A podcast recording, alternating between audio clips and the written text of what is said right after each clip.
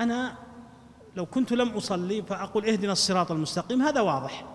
لكن وأنا أصلي أقول اهدنا الصراط المستقيم ما الفائدة من هذا؟ قال العلماء فيه فائدة أن يثبتك الله على الصراط وأن تستمر على هذا الصراط وأن تزداد علما في هذا الصراط وأن تزداد تمسكا بهذا الصراط.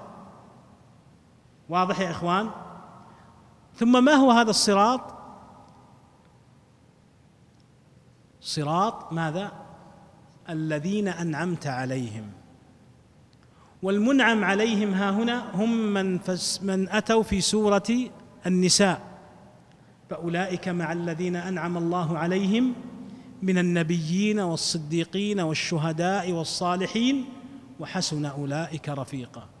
إذا تذكرت أنك تسأل الله أن يهديك صراطا مستقيما في مقدمة السائرين عليه محمد وفيه الأنبياء وفيه أبو بكر سيد الصديقين وغيره من الصحابة والتابعين وعباد هذه الأمة. ألا تخشع في ذلك؟ ثم تقول غير المغضوب عليهم ولا الضالين. المغضوب عليه هو الذي علم ولم يعمل.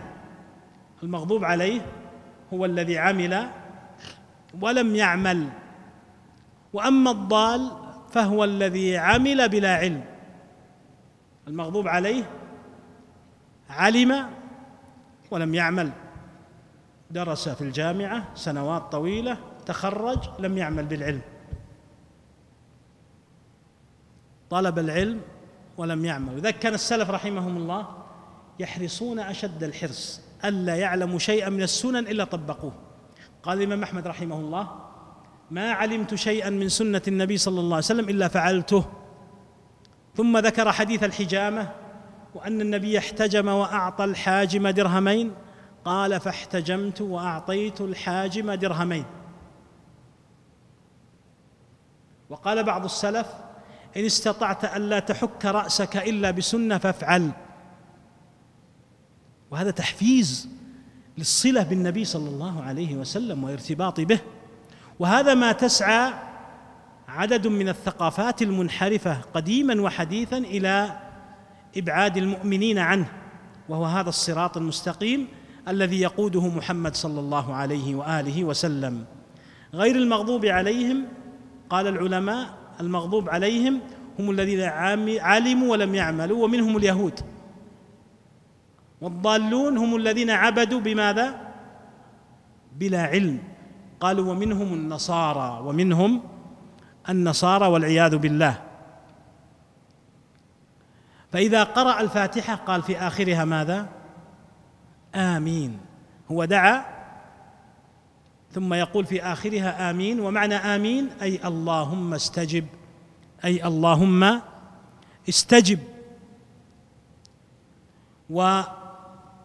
ومن وافق تأمينه تأمين الملائكة غفر له ما تقدم من ذنبه.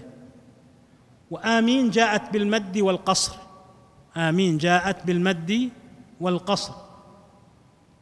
ويجهر بصوته بها كما فعل النبي لأن الصحابة سمعوا النبي وكان المسجد يرتج إذا قالوا آمين في زمن النبي صلى الله عليه وآله وسلم.